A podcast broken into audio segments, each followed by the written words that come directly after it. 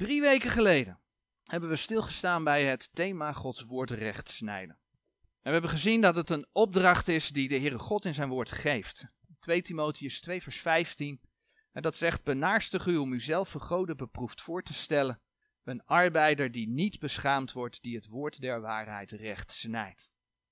Dus daar zit een belofte aan vast. Een belofte dat als je dat woord recht snijdt, dat je niet beschaamd zult worden. Het is gewoon een belofte die daaraan vastzit. We hebben gezien dat weliswaar al de schrift van God is ingegeven, maar dat dat niet betekent dat elk schriftgedeelte letterlijk ook op jezelf van toepassing is. We zagen dat je goed moet kijken tegen wie de Heer iets zegt in zijn woord. Tegen de Jood, tegen de gemeente, tegen de heiden. We hebben als voorbeeld gekeken naar de spijswetten die de Heere God onder de wet aan Israël gaf, uh, waar Israël zich aan moest houden. Terwijl duidelijk wordt, als je Gods woord doorleest, dat dat voor de gemeente niet zo is. Voor de gemeente zijn dat geen regels. Ook zagen we dat de Heer verschillende verbonden met de mens sloot. En dat hij in elk verbond andere dingen aan de mens duidelijk maakte of ook andere dingen van de mens vroeg. En daardoor zie je dus dat Gods handelen met de mens door de tijd heen wijzigt.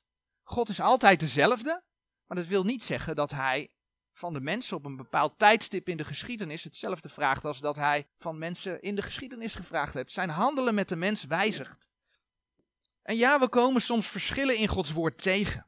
En de reden daarvan is niet dat God zichzelf tegenspreekt, zoals velen dan vaak roepen. Oh, kijk, dit is anders dan daar.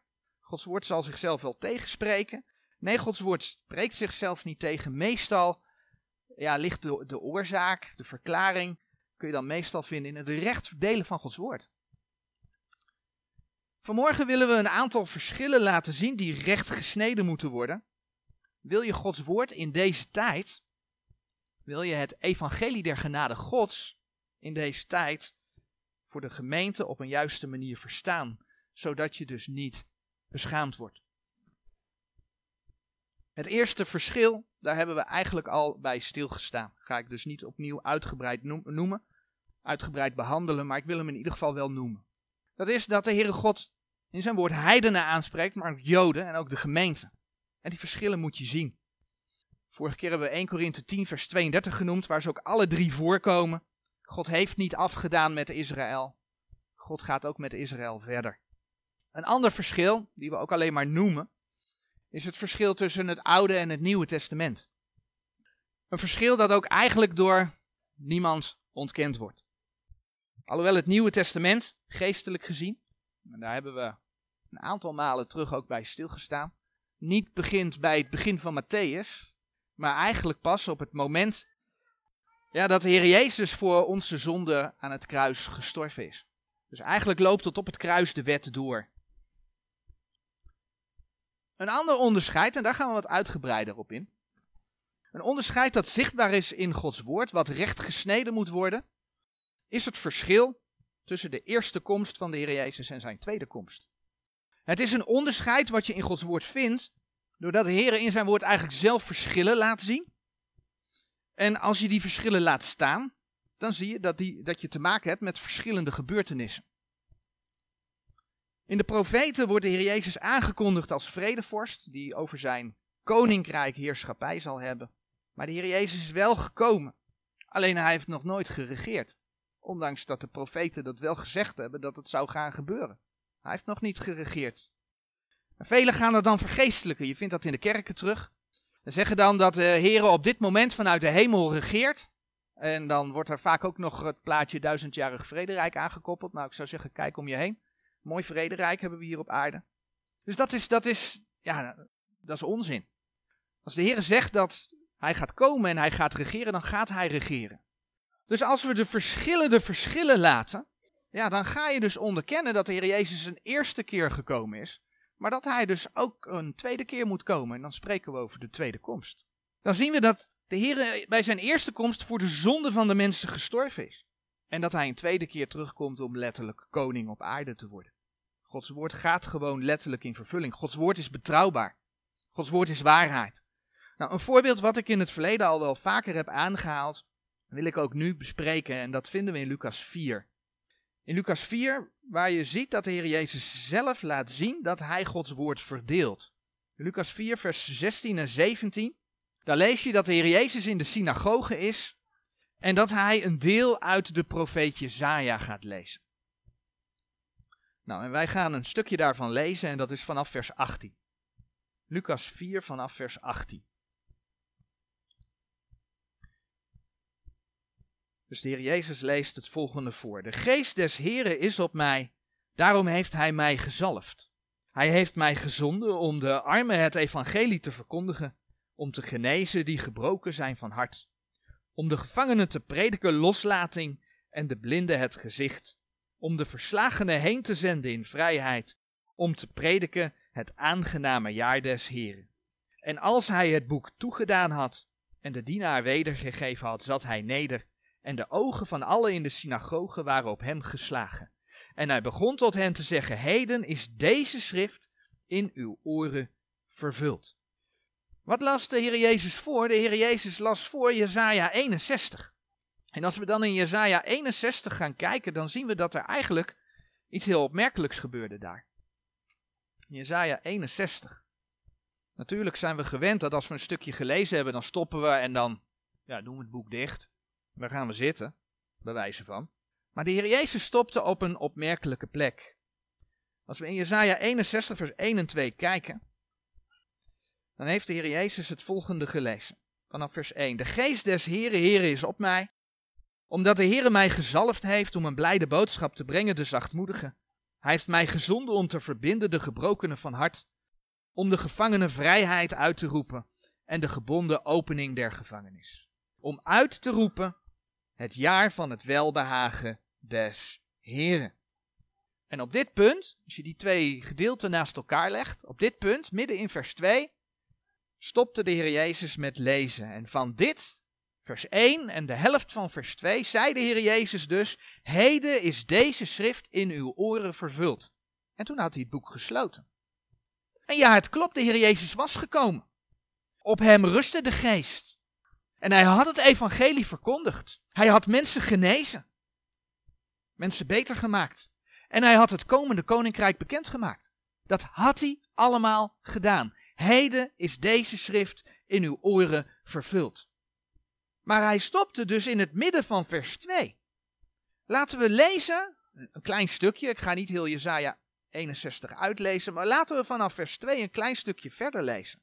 Wat de Heer Jezus dus niet gelezen heeft. Hij las niet, en de dag der wraken onze schots om alle treurigen te troosten. Om de treurige Sions te beschikken.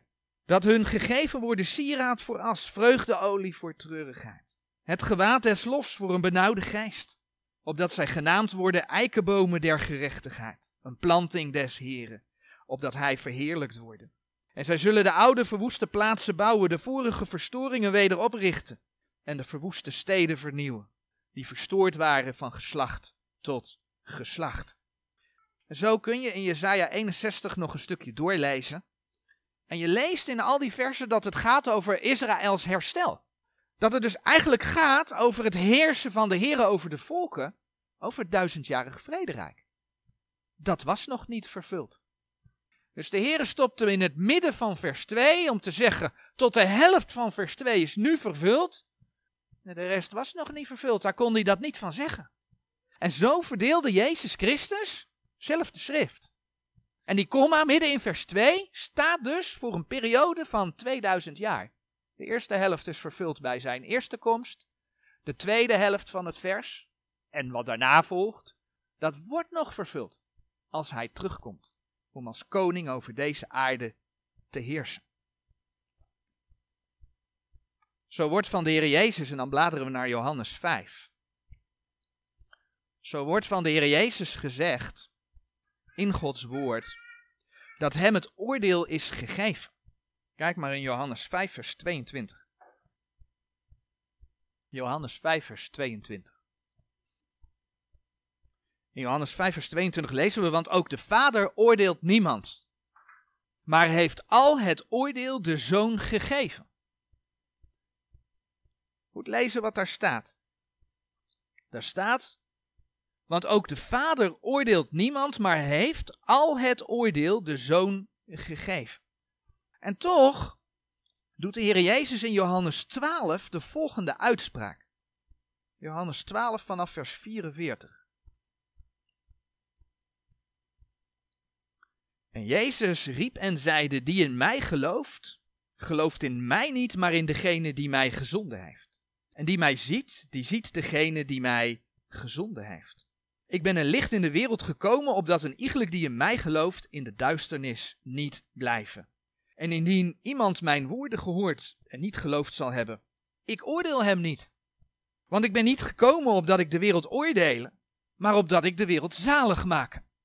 Zie het verschil tussen Johannes 5 vers 22, waar staat dat de Heer Jezus al het oordeel is gegeven, en dat hij in Johannes 12 zegt, wat we net gelezen hebben, ik ben niet gekomen opdat ik de wereld oordelen, maar opdat ik de wereld zalig maak. Dat lijkt een verschil. En misschien dat er sommigen zijn die zeggen: zie je wel, de Bijbel is in tegenspraak. Dat klopt niet. Maar de Bijbel is niet in tegenspraak. Als je de eerste komst recht snijdt van de tweede komst, dan zie je dat de Heer Jezus bij zijn eerste komst kwam om zijn leven te geven, zodat mensen gered konden worden, kunnen worden. Dat is nog steeds zo.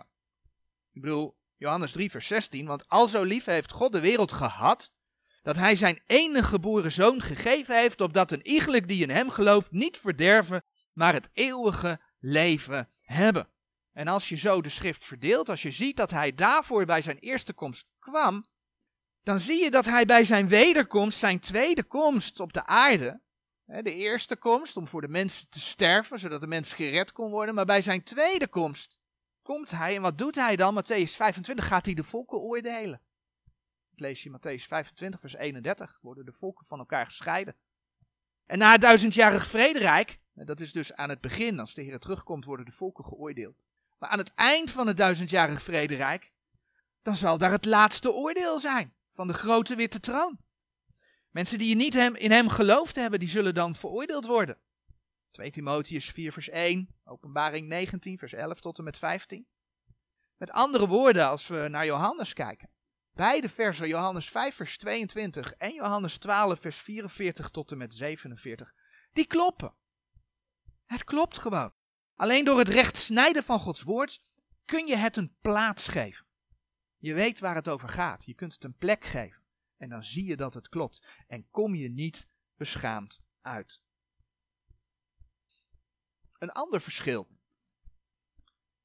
Waardoor het recht snijden naar voren komt, is het verschil tussen de komst van de Heer Jezus in de lucht voor zijn gemeente en zijn tweede komst op aarde, wat zal zijn met zijn gemeente. Zoals we naar de tijdlijn kijken, bij de opname van de gemeente, als wij hem tegemoet zullen gaan, dan komt de Heer voor zijn gemeente. Maar als hij na de grote verdrukking terugkomt, dan wij zijn opgenomen, komt de gemeente met hem terug. Dat is een verschil. We zagen al, de Heer Jezus wordt aangekondigd als koning in de profeten. En we gaan een voorbeeld opzoeken in Zacharia 14. Heel bekend hoofdstuk. Een vers dat ook zegt dat als de Heer terugkomt, dan zullen zijn voeten staan op de olijfberg. Zacharia 14, vers 4. En zijn voeten zullen te dien dagen staan op de olijfberg die voor Jeruzalem ligt, tegen het oosten. En de olijfberg zal in tweeën gespleten worden naar het oosten en naar het westen zodat er een zeer grote vallei zal zijn. En de ene helft des bergs zal wijken naar het noorden en de helft deszelfde naar het zuiden. Zijn voeten zullen te dien dagen staan op de olijfberg. En dan lezen we in vers 9 nog. En de Heere zal tot koning over de ganse aarde zijn. Te dien dagen zal de Heere één zijn en zijn naam één. We lezen het, hè? de Heer zal koning zijn. Wanneer als zijn voeten zullen staan op de olijfberg. Dus hij komt naar de aarde en gaat regeren. Dat staat er gewoon. Zo spreekt Matthäus 24, vers 30 over het feit dat als hij komt, dat al de geslachten der aarde zullen wenen en zullen de zoon des mensen zien, komende op de wolken des hemels met grote kracht en heerlijkheid. Dus als hij wederkomt, bij die tweede komst, dan gaat dat met kracht en heerlijkheid en iedereen zal hem zien. Openbaring 1 vers 7 spreekt daar ook over. Alle oog zal hem zien. En over die komst en die tekst zoeken we op, zegt Judas 14 het volgende. Judas, het boek voor openbaring. Judas 14. En van deze heeft ook Henoch de zevende van Adam geprofiteerd, zeggende, zie de Heere is gekomen met zijn vele duizenden heiligen. Zie de Heere is gekomen met zijn vele duizenden heiligen. De Heere zal dus komen met zijn heiligen. Het staat geschreven. En als je dan doorbladert naar openbaring 19, vers 11 tot en met 16. Dan lees je daar over de wederkomst van de Heere. En dan lees je dat hij komt. In vers 14. Met de heerlegers in de hemel. En die heerlegers in de hemel die zijn gekleed met wit en rein fijn lijnwaad. Openbaring 19 vers 14. En als je dan terug gaat kijken in openbaring 19 vers 7 en 8. Dan weet je dat die kleding slaat op de vrouw van het lam. De bruiloft van het lam is geweest. De Heer komt terug met de heerlegers in de hemel. Met zijn heiligen, zegt Judas 14. Dat is de gemeente die gekleed is in wit en rein fijn lijnwaad. Dus de Heer komt met zijn gemeente terug. Maar als de Heer met zijn gemeente terugkomt, betekent het dus dat die gemeente voor die tijd opgenomen moet zijn. Dus dat, dat er een opname van de gemeente zal zijn, dat is gewoon niet vreemd.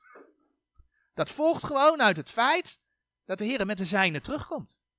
Nou, de opname staat natuurlijk beschreven in 1 Thessalonicense 4, vers 13 tot en met 18. En spreekt letterlijk over het feit dat die in Christus gestorven zijn, zullen opstaan. En dat zij tezamen met degenen die levend overgebleven zijn, de Heer tegemoet gaan in de lucht. Omdat de Heer hen komt halen. Ze zullen opgenomen worden in de wolken. 1 Thessalonicense 4, vers 17. De voeten van de Heer Jezus, de Heer komt wel richting de aarde om de gemeente in de lucht tegemoet te komen. Maar zijn voeten zullen niet staan op de olijfberg. Dat is van de tweede komst. Dat is over hier. Maar niet dit. We hebben gelezen dat die tweede komst gaat over grote kracht en heerlijkheid. Nou, als je in, in de brieven aan de gemeente gaat lezen over dat moment van de opname, 1 Korinthe 15, vers 52, dan wordt er niet gesproken over grote kracht en heerlijkheid en alle oog zal hem zien. Dat gaat over in een punt des tijds in een ogenblik. Dat zijn verschillen waar je niet één geheel van moet proberen te maken. En als je die verschillen laat staan, Gods woord daarin recht snijdt, Gods woord recht verdeelt, dan word je niet beschaamd. En zie je dat er naast een tweede komst van de Heer op aarde een opname van de gemeente is. Ja, en zo zijn er nog veel meer verschillen. Zo ga je zien dat de gelovige in Christus vergeven is en Gods rechtvaardigheid mag dragen. Colossense 1 vers 14, 2 Korinthe 5 vers 21. Dat is de positie van de gelovigen. En toch zie je in de brieven aan de gemeente dat de praktijk, dat de toestand van de gelovigen soms anders is. En dat heeft dan te maken met een stukje gemeenschap in, die je hebt met de Heer, een relatie die je hebt met de Heer. 1 Johannes 1 vers 3 en 6 en 7. Een ander verschil, en daar hebben we ook bij het voorgaande hebben we de afgelopen maanden bij stilgestaan, het volgende punt eigenlijk ook, is dat er een geestelijke doop is bij de wedergeboorte.